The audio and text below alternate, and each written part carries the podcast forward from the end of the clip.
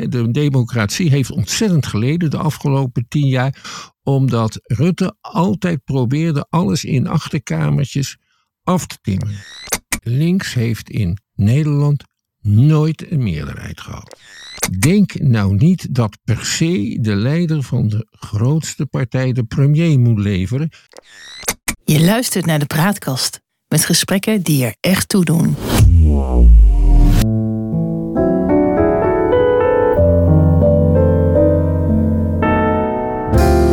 Welkom bij de Praatkast.nl. Dit is een aflevering van het Geheugenpaleis. Mijn naam is Jon Kniering en samen met Han van der Horst maken we deze podcast.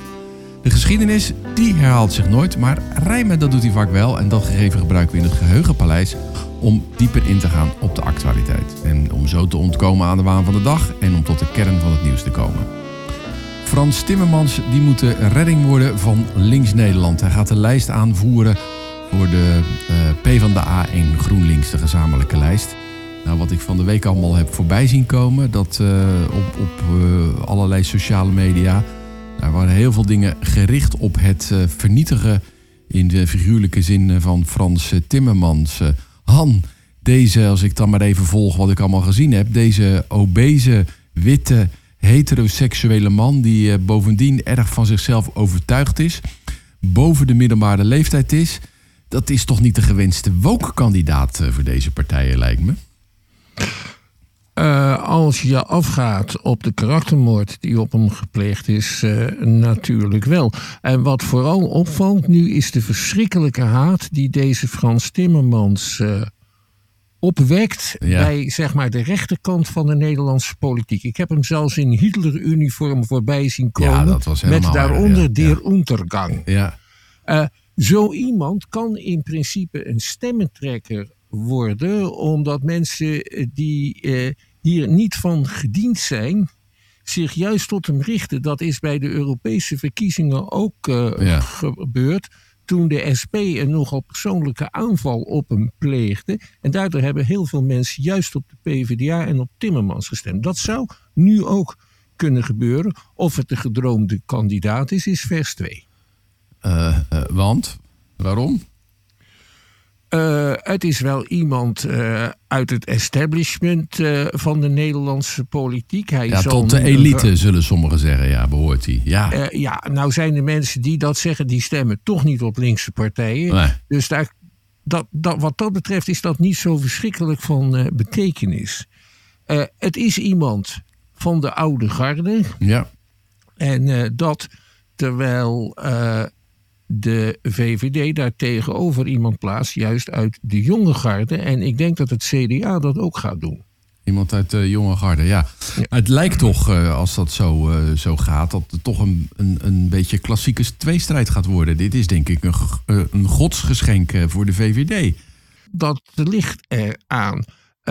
tot nog toe hebben de rechtspartijen, en dan heb ik het over een periode van misschien wel 25 jaar de agenda kunnen bepalen en ja. kunnen zeggen waar de verkiezingsstrijd over zou gaan. En wat de VVD nu graag wil, is dat de verkiezingsstrijd gaat over de asielproblematiek.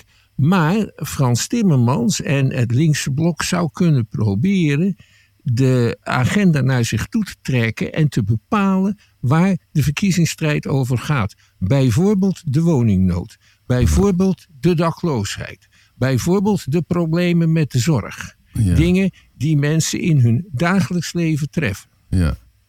ja. Ja, dus daarmee zeg je dat het nog wel eens zou kunnen dat het dan geen klassieke tweestrijd uh, wordt. Wel een klassieke tweestrijd, ja. maar niet over de onderwerpen die de VVD ja, graag in het centrum zou zetten. Maar dat, dat, dat als we nou even dat doorredeneren, hè, dus dat, dat, dat uh, Timmermans misschien een beetje agenda bepalend wordt, maar weliswaar toch in een, in een klassieke strijd komt met de, de, de VVD. Dit zou er dan ook toe kunnen leiden dat een heleboel van die splinters uh, verdwijnen of veel groter worden dan dat ze nu zijn. En dan heb ik ja. het over de BBB, dan heb ik het over Ja 21, dan heb ik het over iemand als Van Haga, dan heb ik het over uh, Denk, dat soort partijen. Nou, dat zou best kunnen gebeuren, want dat is het in het verleden ook wel eens gebeurd. Hè? De ja. grootste overwinning, de grootste verkiezingsoverwinning die de PvdA ooit ge- ge- gemaakt heeft in 1977, dat ging geheel ten koste eh, van andere linkse partijen. Zoals DS70 en de PPR en dat soort zaken. eh, dat Ja, soort en de CPN. Ja, ja. Hey, de, die, die fusie tussen die twee eh, partijen, dat is niet. Aan de ene kant is het ook wel een, een, een logische vervolgstap, maar in de afgelopen ja, 40, 50 jaar hebben ze elkaar ook te vuur en te zwaar te bestreden. En het, ik wil toch iedereen er even ook aan helpen herinneren dat GroenLinks, dat dat eigenlijk een samenraapsel is eh, van communisten, pacifisten en radicalen. En die gaan dan nu samen met de, met, ja, met de Sociaaldemocraten. Dat, dat is toch niet zo heel logisch? Ehm, de sociaaldemocratie, de linkse socialistische beweging, is uiteengevallen in 1909. Toen splitste zich een groep linkse leden af en die hebben later de communistische partij gevormd. En nu voor het eerst Ja. in meer dan een eeuw hebben ze een gezamenlijke lijst. Ja. Eh, er is nog wel een SP natuurlijk, eh, Ja. dus die, die mogen we niet vergeten. Maar dit is toch wel iets eh, heel Bijzonders. erg bijzonders. Ja. En wat ik wel weet is dat de cultuur van de PvdA en de cultuur van GroenLinks nogal verschilt. Ja, precies. Dat lees je ook heel veel in alle analyses. P van de A is natuurlijk een hele verzuurde partij... waar ze elkaar, eh, als iemand, eh, waar al gauw iemand gecanceld wordt... of op een onvriendelijke manier eruit gerold wordt. Eh, Maar, maar ja, GroenLinks is veel meer de, de elite van de grachtengordel... die goed voor het milieu wil zijn, als ik het Ik- maar een ik- beetje ik- plat sla. Ik zie dat een beetje anders dan jij. Oh, vertel. ik denk dat het eh, probleem van, eh, van GroenLinksers is eh, dat de partij een aantrekkingskracht uitoefent op scherpslijpers. En bij de PvdA is er een enorme concurrentie tussen de actieve leden om machtsposities. Want de PvdA is erg doorkneed in als je wat wil veranderen moet je macht hebben. Ja. Maar scherpslijpers zijn het niet. Daar zit, denk ik, een beetje de ruzie. Ja, als die er komt.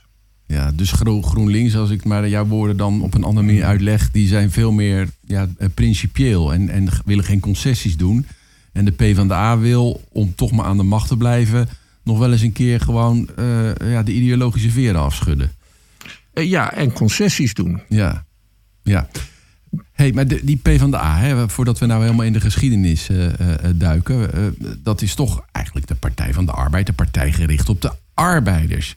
Maar dat, dat hele ja, klassieke electoraat, dat is eigenlijk totaal verdwenen bij de eh, PvdA. Dat zijn mensen die naar, de, naar de, de, de PVV zijn gegaan, bij Wilders die misschien naar de BBB zijn gegaan. Er zijn heel veel voor arbeiders die zich niet meer aangetrokken voelen tot de PvdA. En dat is denk ik ook een van de redenen dat die partij gemarginaliseerd is geworden. Eh, ja, voor zover er nog erg veel ouderwetse arbeiders bestaan. Bovendien, het is de Partij van de Arbeid en Ja. niet de Partij van de Arbeiders. Het is zelf het resultaat van een fusie Ja. van de klassieke sociaaldemocraten, van vooruitstrevende liberalen en vooruitstrevende christendemocraten. Hij heet niet hij heet Partij van de Arbeid. Dat is een rechtstreekse vertaling van het Engelse Labour-partij. Dat Labour-partij in Engeland is ook een heel erg brede partij. Dus je moet je daar niet in vergissen. Maar, en ik zal je ja. nog eens wat vertellen. Weet je wat een arbeiderspartij was? In de grote tijden van Drees, de KVP. Dat was een arbeiderspartij. En de antirevolutionaire partij, want ongelooflijk veel arbeiders Ja. die stemden juist op de confessionele partijen. En die moesten van het socialisme weinig hebben. Dat socialisme, dat, dat heeft de PvdA een beetje af, eh, van zich afgegooid. Ik herinner me overigens nog wel dat volgens mij nog tot, tot, tot het jaar 2000 eh, nog in het programma stond dat ze de banken wilden nationaliseren. Dus dat, dat heeft wel heel lang een hele belangrijke rol eh, daar, eh, daarin ge- gespeeld. Eh, eerlijke verdeling van kennis, inkomen en macht. Maar ja, bedoel, het was een partij die misschien in de 70 jaren een keer eh, 45, 50 zetels haalde. Er zijn er nou nog een schamele, hoeveel is het? 10, 12 van over. Ja, en dat, dat heeft Samson gedaan. Even terug naar dat radicale verleden van de PvdA. Ja. Weet je wat de bijnaam was van premier Den Uyl? Eh, nou, ik denk dat hij als een big spender gezien werd. Joop Atoom. Oh, Joop Patoon. Want hij was voor kernenergie. Ah, ja. En het kabinet was van plan om kernenergietechnologie te verkopen aan Zuid-Afrika. Zodat ze ook een atoom konden niet gedacht, maken. hè? Ja, Nee, dus ja, je, moet, ja. eh, je moet dat radicalisme van de PvdA moet je niet, onderschatten, niet Ah, overschatten.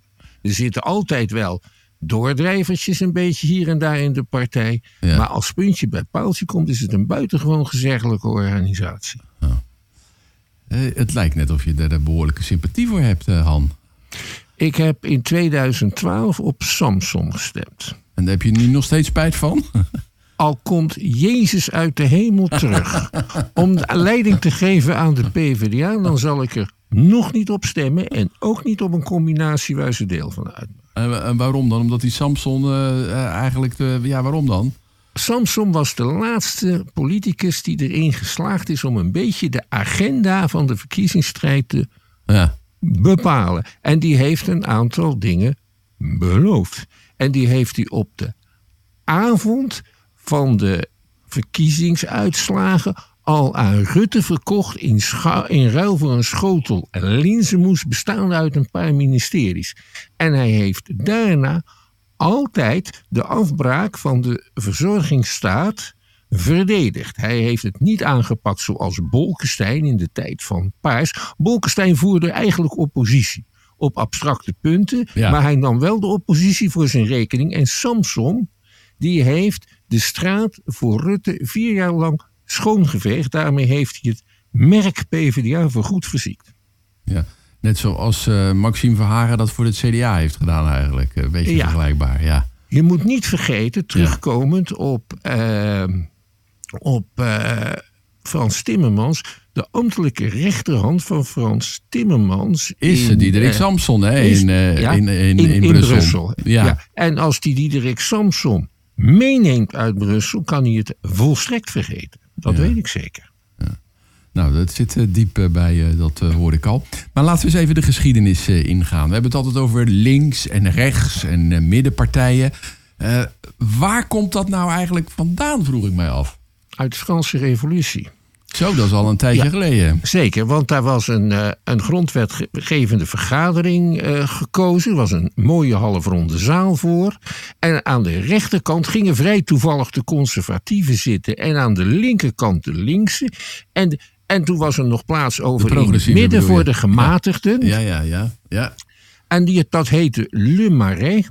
En eh, dat betekent het moeras.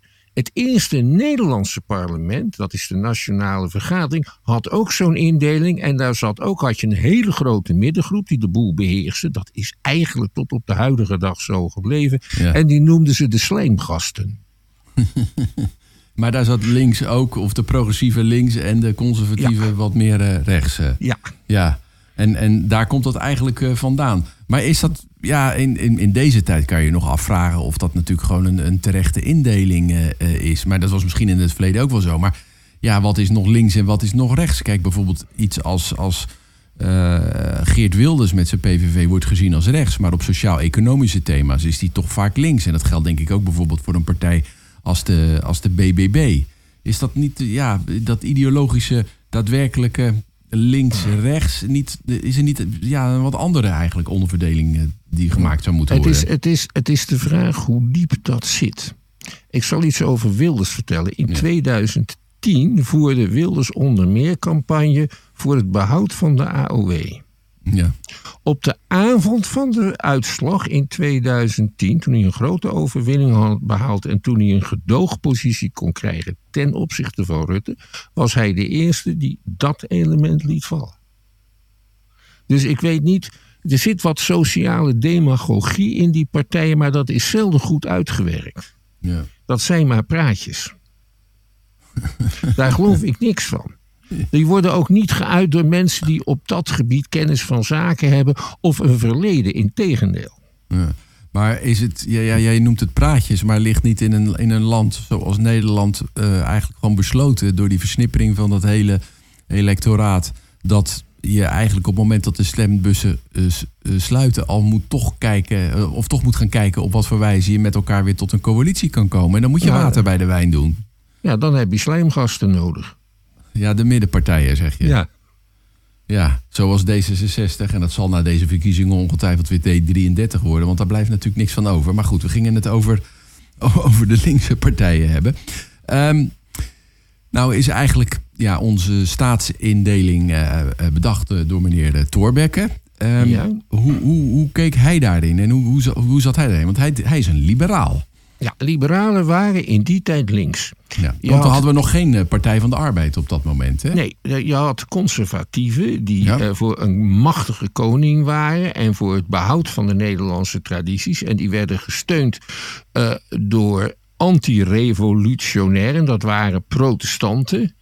En aan de andere kant had je de hervormingsgezinden, dat waren de liberalen. En Thorbecke was de liberaal. Hij is het- ook de eerste politicus in Nederland die slachtoffer is geworden van het soort karaktermoord dat nu gepleegd is op Kaag en, eh, en Timmermans. Ja, we, voor alle duidelijk, we hebben het hier over de periode vanaf 1848, eh, zo'n Ja. beetje, denk ik. Hè? En die antirevolutionaire, daar, dat was tegen de revolutie, eigenlijk tegen de, Ja. het verlichtingsdenken uit de Franse revolutie, denk Ja, ik. Hè? dat was anti-verlichtingspartij. En, en op wat voor wijze eh, eh, kwam, kwam Thorbecke? Want die heeft toch eigenlijk een hele belangrijke rol gehad in die staatshervorming. Maar waarom kwam hij zo onder vuur te liggen dan? Hij was voor vrijheid van godsdienst. En nu wilden de katholieken in Nederland na een paar eeuwen weer bisdommen inrichten. Of liever gezegd, de paus wilde dat. En Thorbecke zei dat, dat als ze dat wilden, dat ze dat vooral moesten doen in een land met vrijheid van godsdienst. Ja. En daar is toen een hele protestantse massabeweging tegen gekomen. De katholieken werd veel verweten. Ongeveer hetzelfde wat nu de Marokkanen wordt verweten. Ja. Dus ze zijn onbetrouwbaar. Eh, als puntje bij paaltje komt, steunen ze de paus en niet de koning. Ze bouwen allemaal maar van die moskeeën, ik bedoel kerken. ja, katholieke kerken. Ja. Ja. en die waren heel groot, veel groter dan de protestantse. Ja. En Thorbecke is hun, die, die, die is hun, eh, hun slaaf. Die heeft zich aan hen verkocht. Dat is een verrader. Dat Ja. is degene die de brandstapels weer terugbrengt. Echt op die toon. Helemaal herkenbaar. Hij is uiteindelijk in de politieke woestijn terechtgekomen. Daar heeft hij ongeveer tien jaar verbleven. En toen was die storm overgewaaid. Maar wat ik nou zo bijzonder vind, dat die protestanten, die waren daar eigenlijk eh, eh, nou ja, nogal duidelijk over wat ze van katholieken vonden. Uit die tijd komt natuurlijk ook twee geloven op één kussen. Daar slaapt de duivel tussen. Ja. Hè? Dat je niet eh, buiten de kerk, bij, bij iemand van een andere geloofsovertuiging kon, kon trouwen. Maar de KVP, de Katholieke Volkspartij, dat is wel heel lang de, hele, de grootste partij van Nederland geweest. Wat haalden die protestanten zich dan op de hals? En wat verbeelden ze zich dan? Eh, protestantisme, het protestantisme is in Nederland numeriek heel lang in de minderheid, of de meerderheid, sorry, in de meerderheid geweest. Ja. Maar ze waren wel verdeeld in verschillende politieke partijen en verschillende kerken. En de katholieke kerk had ongeveer een derde van de bevolking achter zich. Maar dat is één, ja, Eén kerk, centraal één geleide ja. organisatie. Ja. Ja. En dat hele protestantisme, dat staat trouwens eh, prachtig eh, eh, uitgewerkt in dat boek De Eeuw van Mijn Vader. Van, Ja. hoe heet hij ook alweer? Geert Mak. Ja, Geert Mak. Daar heb ik eigenlijk pas voor de eerste keer begrepen hoe die protestanten in ongeveer, nou ja, misschien zijn het 40, 50 v- verschillende soorten kerken uiteen zijn gevallen. En al die kerken die zijn dan ook weer, ja, zeg maar, gaan samenklonteren in dan een SGP, in een ARP, in een CAU. Is dat hoe ik het moet begrijpen? En dat ze daardoor misschien in totaliteit wel groter waren dan de katholieken, maar omdat ze zo verdeeld waren dat de katholieken toch het uiteindelijk voor het zeggen hadden. Ja, en ze waren ook bang dat de katholieken de meerderheid zouden voor, gaan vormen, omdat ze maar doorfokten. Ja, ja. En dat en- werd echt zo gezegd. En als je dan een katholieke illustratie las aan de andere kant, daar stonden altijd foto's in van de grote gezinnen. Moeders met 18 kinderen. Ja, ja, ja, ja, ja. En daar werden protestanten heel bang van. Nou, die protestanten die konden er ook wat van. Ik herinner me in Vlaardingen, dan zag je op zondagochtend al die hoedjes eh, in een soort eh Ja, eh, eende, eendenpas naar eh, de Sionkerk gaan. ja, ja. Nou, Ik heb maar één broer. Ik Ja. kom uit een katholiek nest. Ik heb maar één broer. En jarenlang heeft mijn grootmoeder met Sinterklaas hatelijke gedichten voor mijn moeder geschreven dat er geen kleintjes kwamen. ja, Echt waar. Ja, Vroeger kwam dat pastoor langs. Maar goed, we dwalen af van het onderwerp. Eh, dus eh, we hadden dus zeg maar de conventionele partijen Ja, en eh, de liberalen. Niet zo sterk eigenlijk dan links-rechts, maar veel meer God, niet God eigenlijk. ja, dat zei Abraham Kuyper, de leider van de antirevolutionairen. De grote scheidslijn is die tussen de, tussen de mensen die me- met God wandelen en de mensen die zonder God wandelen. Dat zijn de liberalen Ja. en de socialisten. En de socialisten, socialisme is een uitvloeisel van het liberalisme, ja, zei hij ja erbij. precies. Want dat, we hebben eerst de liberalen gehad. En vanuit dat liberalisme is uiteindelijk het socialisme en de PvdA ontstaan. Kan je daar wat over vertellen? De socialisten in Nederland die zijn eh, pas aan het eind, eh, aan het begin van de, van de vorige eeuw eh, echt een langzaam maar zeker een macht van betekenis geworden. Overigens 20% van de stemmen. Ze waren voorstander van het algemeen vrouwen- en mannenkiesrecht. De liberalen waren dat op den duur ook. En ze hebben hun zin gekregen. En zoals je weet moet je altijd oppassen met wensen die uitkomen. Want sinds Nederland algemeen kiesrecht heeft, Ja, had, kregen de confessionele partijen de absolute meerderheid. En toen de vrouwen ook kiesrecht kregen, werd die meerderheid nog groter. dat was eigenlijk het paard achter de wagen spannen. Ook al is het misschien wel heel goed. Maar dat betekent dus ook dat de socialisten dan eigenlijk ja, weinig in de melk te brokkelen hebben gehad. Zo die eh, afgelopen 100, eh, 120 jaar. Ja, tenminste op landelijk niveau. Op eh, plaatselijk niveau in Groningen van bijvoorbeeld. Ja, Ja, of in Amsterdam, Amsterdam. of in Rotterdam. Heel Ja. veel steden met, met veel industrie. ja. eh, had je altijd wel socialistische wethouders, maar die konden zelden de eerste viool spelen. In Amsterdam en Rotterdam wel, ja. maar elders eigenlijk niet. Ja, Joop Uyl is ook als wethouder begonnen in Amsterdam, Ja. eh, volgens mij. Hè? De grote man van de klopt. PvdA. Ja, ehm, maar, maar wilden ze dan niet ja, toch een beetje naar Engels model... een soort proberen een soort twee-partijenstaat te creëren? Ja, dat was het eh, ideaal direct na de Tweede Wereldoorlog. Ja, In dat kader is ook de PvdA opgericht om de grote linkse verzamelpartij te worden. En dan hoopten ze dat er ook nog een wat conservatievere verzamelpartij zou komen.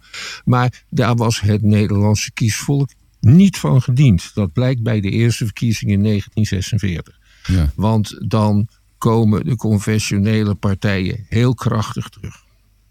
ja dus dan, dan mislukt eigenlijk die missie van, eh, Ja. van, van, van links... Om, eh, om, om op die manier de macht naar zich eh, toe te trekken. Toch hebben we wel een belangrijke socialistische premier gehad, eh, Drees, na de Tweede Wereldoorlog. Hoe zat Ja. dat dan? Die mocht dat worden van Karl Romme. En Karl Romme was de politieke leider van de Katholieke Volkspartij. Dat was de grootste politieke partij in Nederland met 50 zetels. Ja, ja. En dan, eh, vond, eh, dan vormde hij coalities met de PvdA en meestal nog een protestantse bij, de antirevolutionaire of de christelijke historici erbij. En dan bepaalde Romme eh, de bandbreedte van het kabinet. En dat kon hij beter doen als hij de socialisten hun premier Drees gunde. Ja, ja. Dus dat was een tactische move van de katholieken om dat Ja. te gunnen.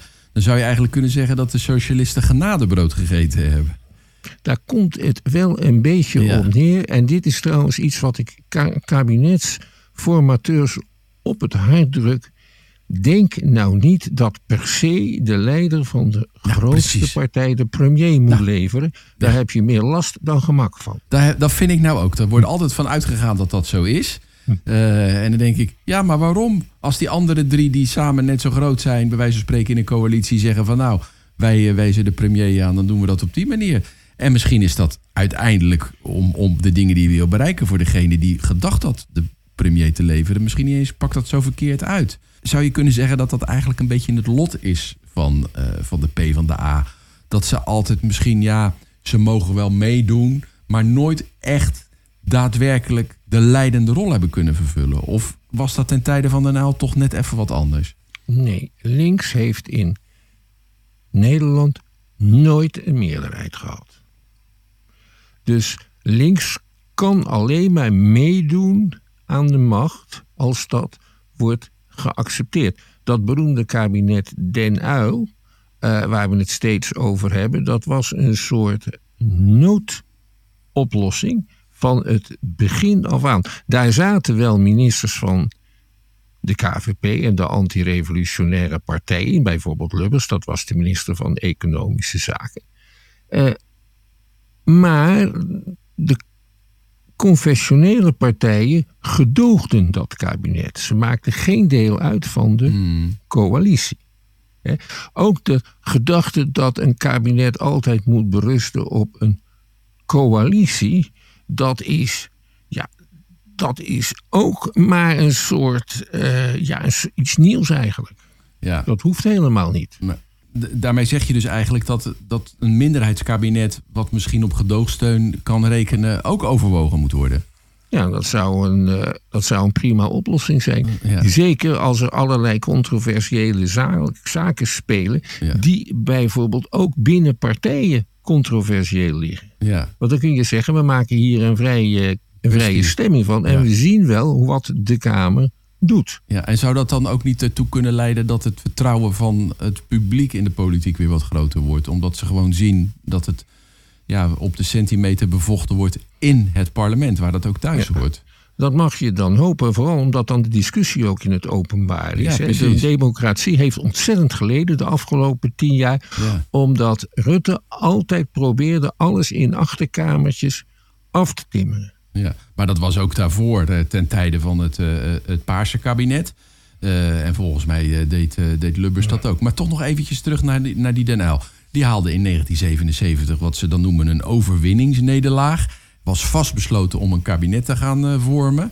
Um, maar uiteindelijk ging de VVD met het CDA, die samen een meerderheid hadden, met de buiten vandoor. Dat is toch een enorme inschattingsfout ook geweest. Dat had je toch op de achterkant van de sigarendoos zelf ook kunnen bedenken. Ja, en wat erg is, Den Uyl heeft dat op de achterkant van zijn sigarendoos ook bedacht. maar die had last van een lastige achterban in de partij. Die zeiden van nu moeten wij de oogst binnenhalen. En ze hebben overvraagd. En op een gegeven moment verscheen ineens in de krant de beroemdste politieke foto uit de Nederlandse geschiedenis. Van Acht en uh, Wiegel die samen een vorkje prikken. En dan in een week een kabinet in elkaar timmeren. Een kabinet dat over zeer schadelijk is geweest voor Nederland. Ja, dat is een ander verhaal. Die hebben het begrotingstekort uh, tot enorme hoogte laten opvoeren. en het was een beetje een pretkabinet. Die foto was natuurlijk gearrangeerd. Dat gewoon, Wiegel had natuurlijk gewoon de pers gebeld. Hè? Ja, natuurlijk. Ja, die was uh, link genoeg om uh, daar zo over na te denken. Maar goed, er staat links uh, weer, weer buitenspel. dan krijgen we een hele lange periode. Nederland verkeert in een grote economische crisis. waarbij Lubbers eigenlijk de puin mag ruimen. Die door, altijd gezegd wordt, de socialisten... maar hoogstwaarschijnlijk door vooral het CDA en de VVD veroorzaakt zijn. Maar goed, laten we dat even in het midden laten. Dan krijgen we een paars kabinet. Dan mag uh, Wim Kok. Uh, eigenlijk ja, de, de, de scepter een tijdje zwaaien. Maar ja, dat kan je toch moeilijk een echte socialist noemen, ook al komt hij uit de vakbond. Ja, dat, dat, hij was natuurlijk wel erg uh, gematigd geworden. En dat moest hij ook wel. Om, zich in, om dit kabinet te kunnen handhaven. Hè? Hij had altijd de hete adem van Bolkestein in de nek. Die heeft dat op een briljante manier gedaan. Toch, als we de resultaten van uh, die Paarse coalitie overzien, dan is Nederland er best een leuker land van geworden. Ja, ja de, ik denk dat is, daar werd nogal op afgegeven, met name door Pim Fortuyn. Dat van die puinhopen van ach ja, paars, dat was natuurlijk je reinste flauwekul. Nou ja, Stomme nonsens. Ja, maar je zou natuurlijk wel kunnen zeggen dat die hele uh, privatisering en het alles overlaten aan de markt misschien een beetje te ver is doorgevoerd, nou, die neoliberale agenda.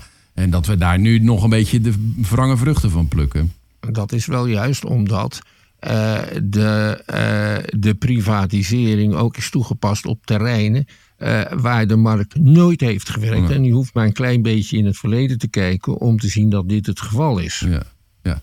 Nou goed, dan is het na dat Paarse kabinet, zo rond 2002 eigenlijk voorlopig even gedaan. Want dan komt Fortuin op.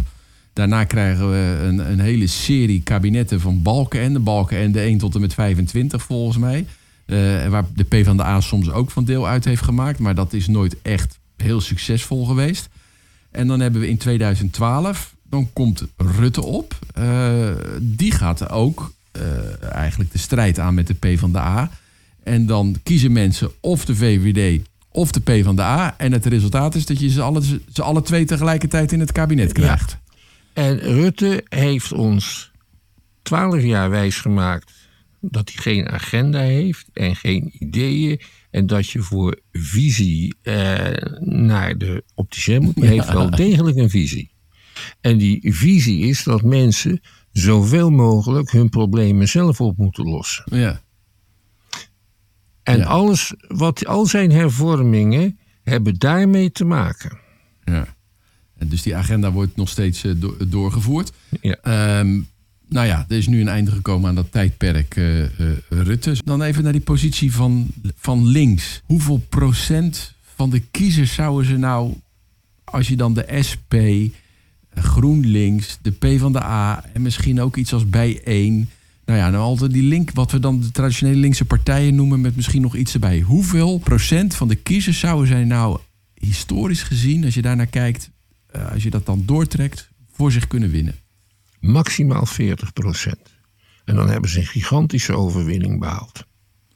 Ja. Als je naar verkiezingsuitslagen gaat kijken, zie je dat er een heel grote constante is tussen eh, links en rechts. En dat verkiezingsoverwinningen en nederlagen van partijen, dat is vaak een kwestie van stuivertje wisselen binnen rechts of binnen links. Ja, dat, dat zie je ook met de, de, de gebeurtenissen rond de PVV. En het Forum voor Democratie. Er is een bepaalde groep kiezers die kiezen in die richting. En Ja. dan kan, de ene keer nemen ze die partij, dan weer de andere partij. Maar ze zullen nooit overstappen naar links. ja. Of naar rechts, omgekeerd. Dus we hoeven niet bang te zijn dat we ineens een eh, socialistische regering krijgen. Of we, we, we moeten helaas constateren dat we nooit een socialistische regering krijgen. Afhankelijk van eh, welke idealisme je aanhangt. Ja, Als wij in Nederland een socialistische regering krijgen, ja. dan laat ik in de Onze Lieve Vrouwenbasiliek te Schiedam een mis van dankbaarheid eh, opdragen. En ik ben benieuwd of ze dat accepteren. Nou, de kans daarop is dus eigenlijk niet zo groot, eh, zeg je dan. Nee. Nee. nee. Ehm, dat betekent eh, in, in, een, in een bevolking die vergrijst... eh, en waarbij mensen die ouder worden over het algemeen ook wat conservatiever worden... dan ziet het er toch ook gewoon niet goed uit voor GroenLinks en de PvdA. Ook al suggereren ze nu anders. Eh, ja, daar zit het weer twee kanten aan, naar mijn idee. Ja, Kant 1 is ehm, dat je een hoop ouderen hebt die wel iets te verliezen hebben en daar niet al te links van worden. Maar aan de andere kant heb je toch ook wel ouderen eh, die heel bang moeten zijn voor hun laatste jaren als het op deze manier doorgaat met de zorg. Dus dat, eh, dat kan wisselen. ja, Eh, het is inderdaad zo dat naarmate mensen ouder worden, ze de neiging hebben om rechtser te worden. ja. ja. Dus, dus de euforie die er nu heerst in die eh, PvdA GroenLinks... hmm, dat is misschien een beetje te ver, eh, een beetje te, te, te vroeg. Optimisme is altijd goed. Eh, zij- eh, het zou, ik, ik, ik hoop dat ze zo verstandig zijn om te komen met heel concrete plannen. We gaan in de komende vier jaar zoveel huizen bouwen. Dat heeft prioriteit. A, B en C hebben we geld voor over. En voor de rest, als er nog wat overschiet. Gewoon heel duidelijk, heel concreet. En geen vage beloftes over een, eh, een milieuparadijs of zo. Nou goed, de verkiezingen die zijn eh, in eh, november. Maar als ik dat dan zo beluister, en, en dan denk ik, ja, er is toch een behoorlijke grote kans op een redelijk rechtse premier. Waarbij dan in het allergunstigste geval een, eh, een, de PvdA mis- en de GroenLinks misschien mag aanschuiven. Ja, en dan hoop ik dat ze hun huid duur verkopen. Nou, we gaan het zien. We moeten het hierbij laten. Deze aflevering van het Geheugenpaleis. We maken dit in samenwerking met de Praatkast. De uitzendingen zijn te vinden op www.praatkast.nl.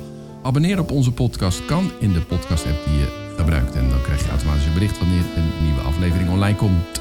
En we vinden het leuk als je ons mailt. Stuur een bericht naar info.praatkast.nl. Voor nu bedankt voor het luisteren. Tot de volgende keer. Wees gelukkig, blijf gezond.